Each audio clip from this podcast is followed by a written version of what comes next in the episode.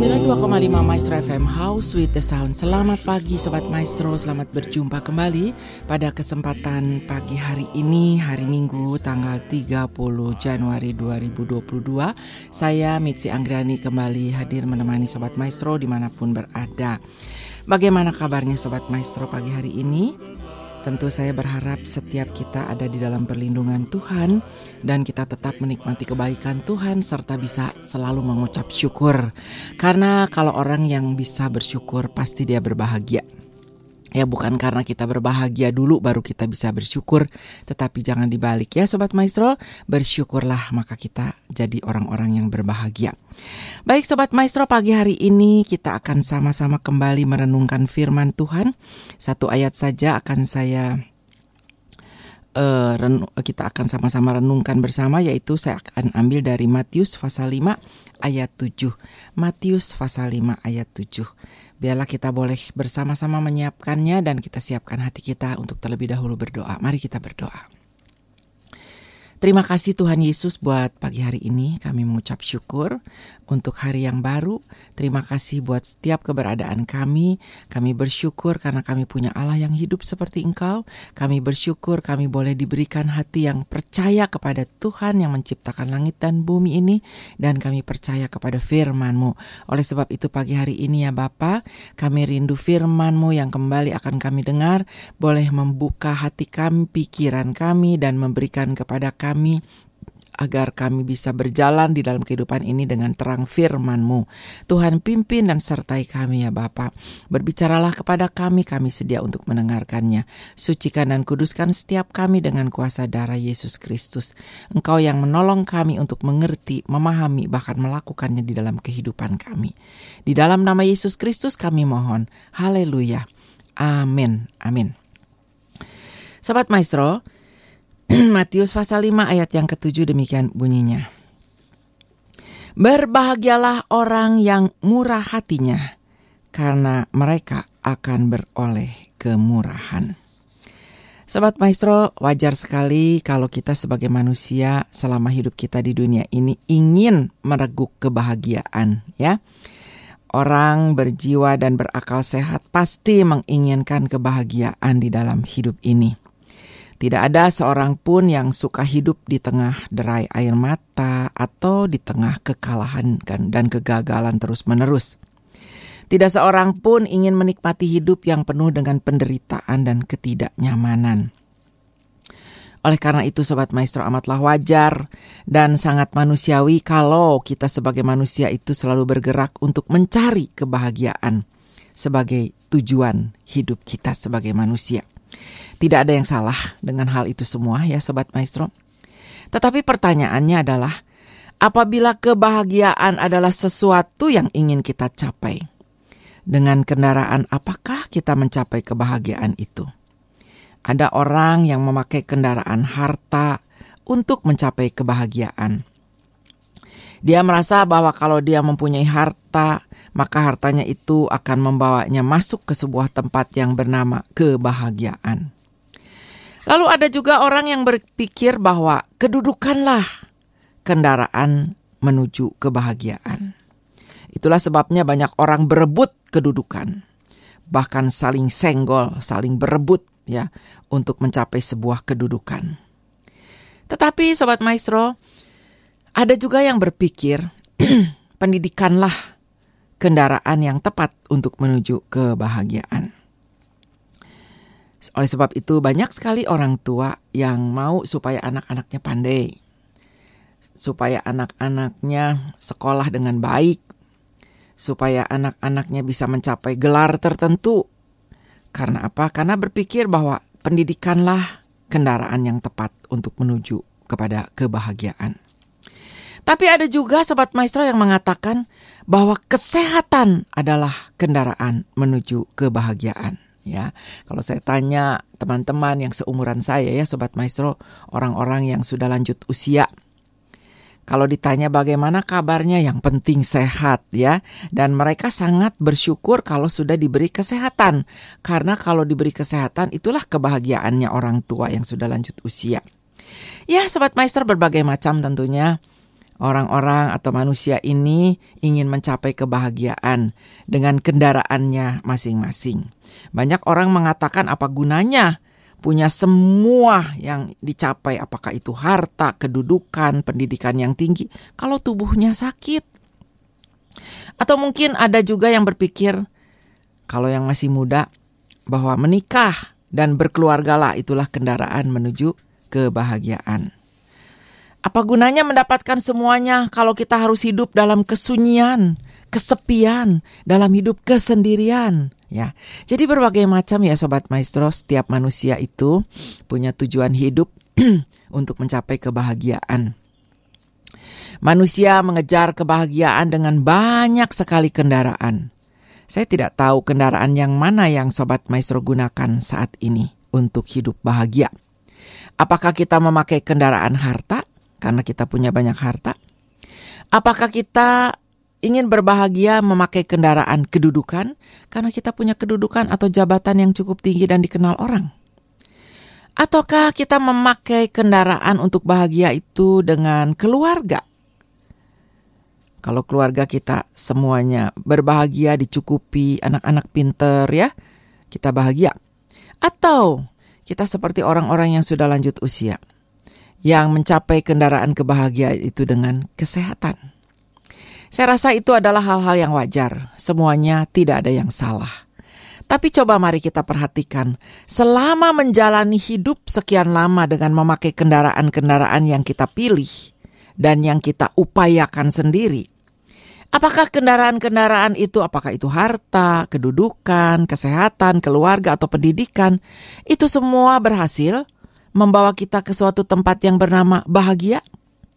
Sobat Maestro, kalau direnungkan, semua kendaraan tadi, baik harta, pendidikan, kedudukan, kesehatan, keluarga, itu tidak muncul begitu saja, bukan? Kita harus mengupayakan untuk mendapatkannya. Kita harus berjuang untuk mendapatkan kebahagiaan itu. Dengan kata lain, sobat maestro, untuk kita bergerak menuju kebahagiaan, kita punya banyak kendaraan, tetapi kendaraan-kendaraan itu juga harus menuntut kita kerja keras. Jadi sobat maestro, sekarang perhatikanlah dan mari kita renungkan apakah kendaraan-kendaraan yang kita pilih itu berhasil mengantarkan kita kepada sebuah kebahagiaan? Boleh dijawab masing-masing ya sobat maestro. Khotbah Tuhan Yesus di dalam Matius pasal 5 dikenal sebagai ucapan bahagia.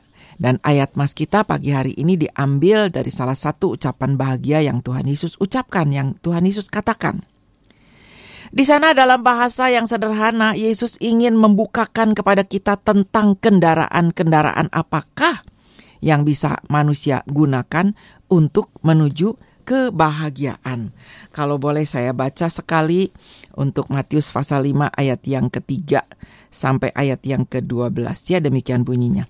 Berbahagialah orang yang miskin di hadapan Allah karena merekalah yang empunya kerajaan surga. Berbahagialah orang yang berduka cita karena mereka akan dihibur. Berbahagialah orang yang lemah lembut karena mereka akan memiliki bumi. Berbahagialah orang yang lapar dan haus akan kebenaran karena mereka akan dipuaskan. Berbahagialah orang yang murah hatinya karena mereka akan beroleh kemurahan. Berbahagialah orang yang suci hatinya, karena mereka akan melihat Allah. Berbahagialah orang yang membawa damai, karena mereka akan disebut anak-anak Allah. Berbahagialah orang yang dianiaya oleh sebab kebenaran, karena merekalah yang empunya kerajaan sorga. Berbahagialah kamu jika karena aku kamu dicela dan dianiaya, dan kepadamu difitnahkan segala yang jahat. Bersukacitalah dan bergembiralah, karena upahmu besar di sorga. Sebab demikianlah juga telah dianiaya nabi-nabi yang sebelum kamu. Sobat Maestro, khotbah Yesus di bukit ini, dalam Matius pasal 5 ini, dikenal sebagai ucapan bahagia. Dan ada sembilan ucapan berbahagia Melalui sembilan kendaraan ini Yesus seolah-olah ingin berkata, kalau engkau menggunakan kendaraan-kendaraan ini, maka engkau pasti akan mencapai tempat yang bernama kebahagiaan itu. Apabila Tuhan yang menciptakan hidup kita mengatakan bahwa kita akan berbahagia, itu berarti sobat maestro, dia tahu betul siapa kita.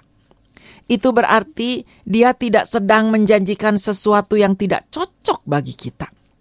Dia pasti menyediakan sesuatu yang tepat bagi kita karena kita adalah ciptaannya.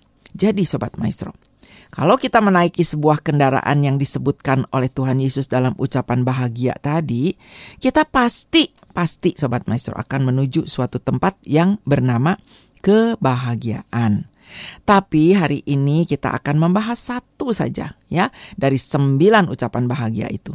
Yaitu ayat ketujuh. Berbahagialah orang yang murah hatinya karena mereka akan beroleh kemurahan.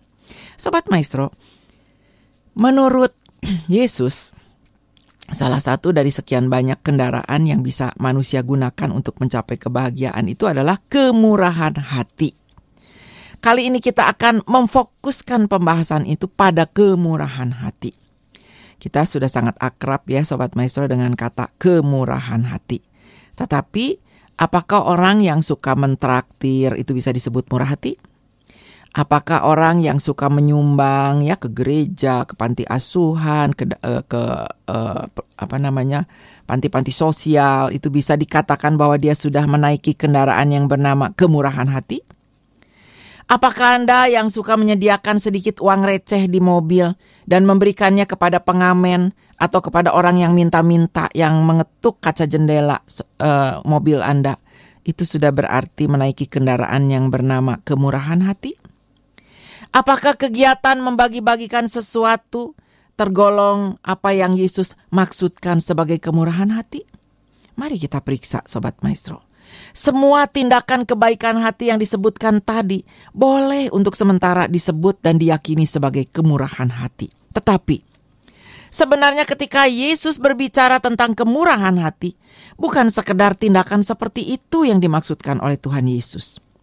Dia menggunakan sebuah kata di dalam bahasa Yunani yang nuansanya bukan sekedar tindakan memberikan sesuatu atau membagikan sesuatu.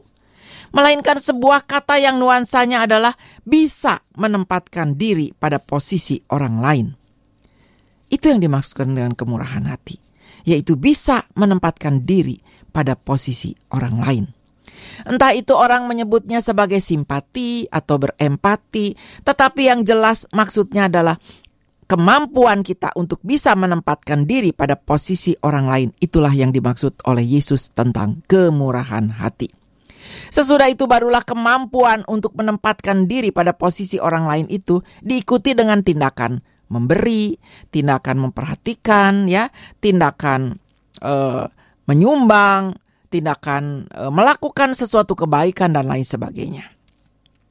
Tetapi sobat maestro, Faktor yang paling hakiki adalah sebuah keterampilan, yaitu kesediaan untuk menempatkan diri pada posisi orang lain.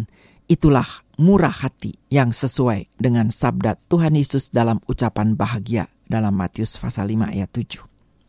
Dengan demikian Sobat Maestro, kalau kita sekedar memberikan seribu rupiah atau dua ribu rupiah kepada orang yang mengamen, namun eh, di perempatan berikutnya kita sudah lupa pada apa yang kita lakukan tadi, maka itu belum bisa digolongkan sebagai kemurahan hati.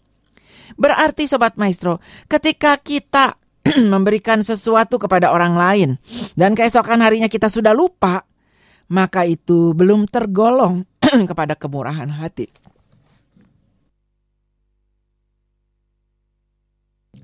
Ya, Sobat Maestro, kalau kita memahami makna kemurahan hati yang seperti itu.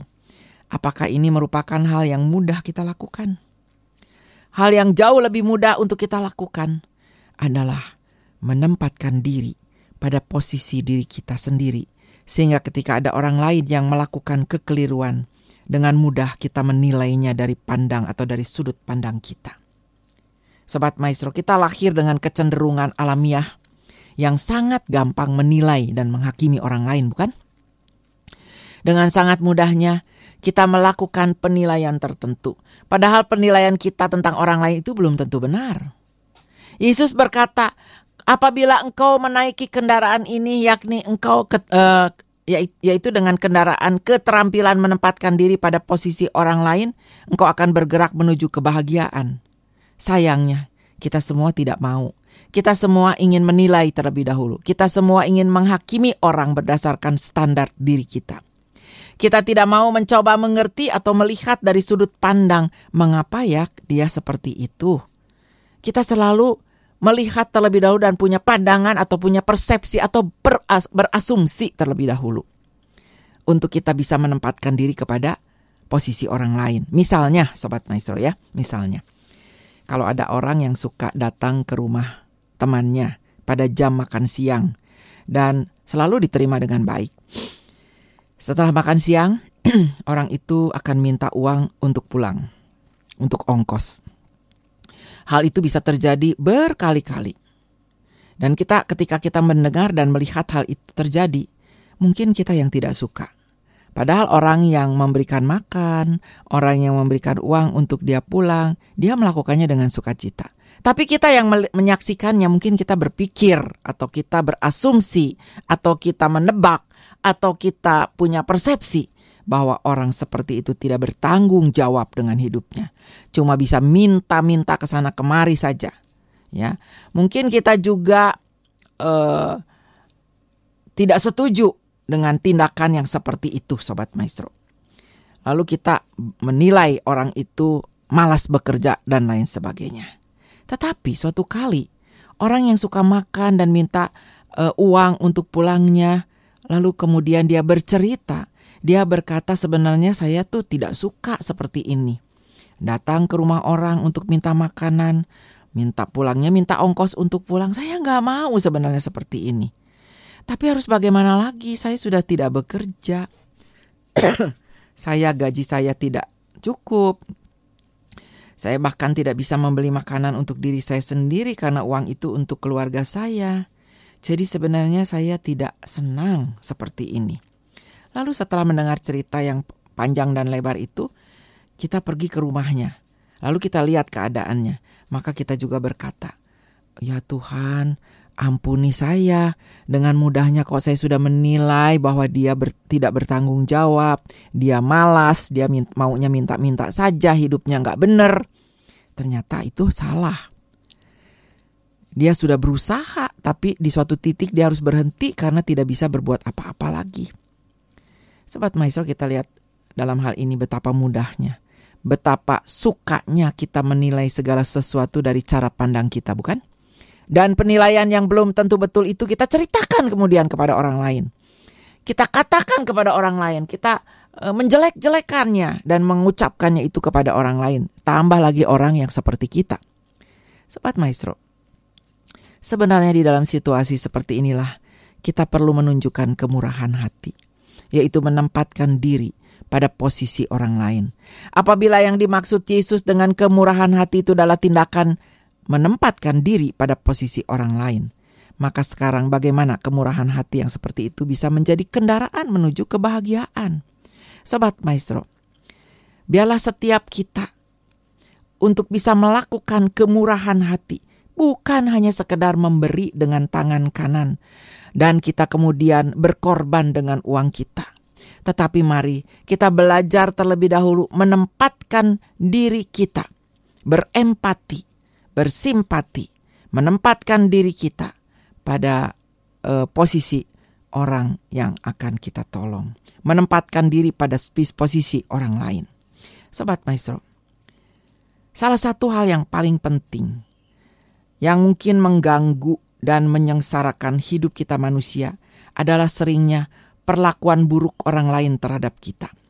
Dan kita misalnya tidak bisa mengampuni orang itu karena kita tidak mau mengerti kenapa orang itu berbuat seperti itu kepada saya atau kepada kita.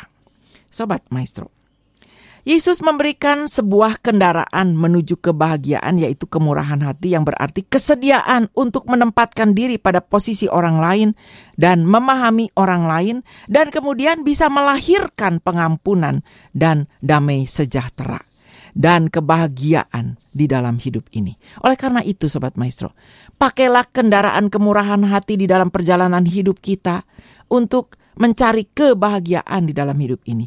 Pakailah juga kendaraan ini ketika kita disakiti, ketika kita dihancurkan hidupnya, ketika kita dikecewakan oleh orang lain. Belajarlah untuk bermurah hati, memberikan pemahaman, memberikan pengertian, menempatkan diri pada posisi orang lain, belajar mengampuni, dan belajar memaklumi. Dendam itu tidak akan menyelesaikan semuanya, sobat maestro. Pembalasan juga tidak akan menimbulkan perasaan damai di dalam hidup kita. Pembalasan akan menimbulkan kepuasan sesaat saja, lalu kemudian diikuti dengan ketakutan. Tetapi kesediaan diri untuk bermurah hati, untuk menempatkan diri pada posisi orang lain, dan memahami betul apa yang terjadi, serta memaafkan dan mengampuni tindakan yang mengecewakan itu, maka kita akan semuanya itu akan membawa kita pada apa yang disebut sebagai kebahagiaan. Kebahagiaan ke suatu arah di mana kita rindukan, ke arah yang selama ini kita kejar, tetapi yang mungkin selama ini kandas di tengah jalan karena perilaku orang lain terhadap kita dan kita kecewa. Dan biasanya orang-orang yang perlu kita pahami dengan baik, orang-orang yang perlu kita pahami posisinya adalah orang-orang justru yang terdekat dengan kita bukan orang-orang yang jauh dari kita, tapi justru orang-orang yang dekat dengan kita. Mungkin itu suami kita, mungkin itu istri kita, mungkin itu anak kita, atau mungkin orang atau sahabat kita yang dekat dengan kita. Justru orang-orang itulah yang harus kita pahami, dan kita bisa melepaskan pengampunan, sehingga kita boleh merasakan kebahagiaan. Mereka adalah orang-orang yang berada di dalam posisi yang terbaik untuk melukai dan mengecewakan kita bukan orang asing, bukan orang luar yang jauh-jauh di sana. Sobat Maestro, satu perkataan saja dari suami atau istri atau anak atau orang yang terdekat lainnya dengan kita, maka itu bisa menghancurkan, bisa menimbulkan kekecewaan, bisa menimbulkan pertengkaran, bisa mengusir pergi kebahagiaan dari dalam hidup kita. Karena itu Sobat Maestro, marilah kita mau bermurah hati bukan membagi-bagikan sesuatu saja. Bukan pergi ke sana kemari melakukan banyak hal, aktivitas, aksi sosial, dan lain sebagainya. Melainkan mari kita mau melakukan kemurahan hati dengan belajar menempatkan diri pada perspektif orang lain yang mungkin sangat melukai hati kita. Berusahalah memahami mengapa dia melakukan hal seperti itu.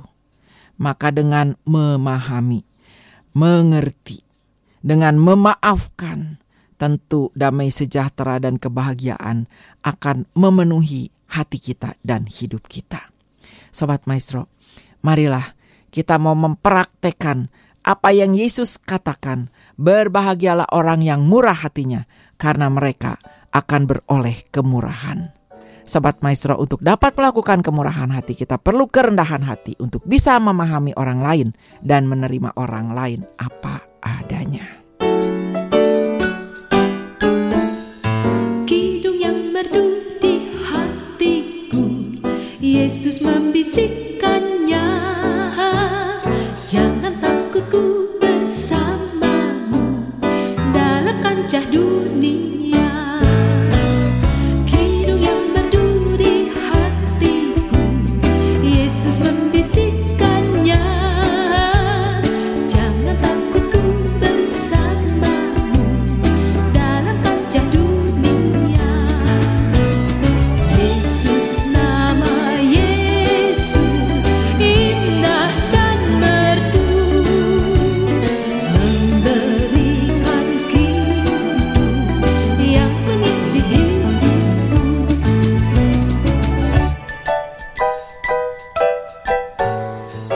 Maestro saya percaya kalau Tuhan memberikan firman kepada kita, memberikan satu perintah biarlah kita bermurah hati maka kita akan memperoleh kemurahan. Pasti Tuhan sudah tahu bahwa kita dapat melakukannya. Belajar kemurahan hati untuk kita bisa menempatkan diri pada posisi orang lain. Maka kidung yang merdu yaitu kebahagiaan lewat hidup kita akan didengar oleh orang-orang di sekitar kita. Mari kita berdoa. Terima kasih Tuhan Yesus, kami mengucap syukur karena kami punya Allah yang hidup seperti Engkau, yang memerintahkan suatu perintah bagi kami dalam firman-Mu, yang kami tahu pasti dapat kami lakukan. Karena Roh Kudus akan menolong kami, memimpin kami untuk belajar memahami, mengerti orang lain, menempatkan diri pada posisi orang lain. Itulah sebuah kemurahan hati yang Tuhan berikan kepada kami hikmat, agar kami dapat melakukannya di dalam kehidupan kami. Si Tuhan, beri kepada kami hati yang legowo, beri kepada kami hati yang luas, beri kepada kami Tuhan agar kami juga punya uh, hati yang mengampuni, memahami, dan melakukan apa yang menjadi bagian kami untuk menyenangkan hati Tuhan. Kami percaya kalau kami melakukannya itu dengan ketulusan hati, Tuhan akan menolong kami untuk kami bisa menikmati sebuah kebahagiaan dan itu merupakan kendaraan bagi kami menuju kebahagiaan yang sejati. Terima kasih Tuhan, kami mengucap syukur pada pagi hari ini. Tuhan yang memberkati kami dan biarlah kami boleh belajar terus dengan pertolongan kuasa Roh Kudus. Haleluya. Amin. Amin. Sobat Maestro, saya percaya setiap kita boleh diberkati oleh firman Tuhan dan eh, kita boleh menjadi berkat juga buat orang lain dengan memahami apa yang eh, menjadi posisi orang lain bagi kita sekalian. Sobat Maestro, baiklah dari Geraha Maestro Jalan Kaca Piring 12 Bandung, saya Mitzi Anggriani akan segera undur diri. Tuhan memberkati kita semua. Shalom, damai sejahtera Tuhan beserta dengan kita sekalian.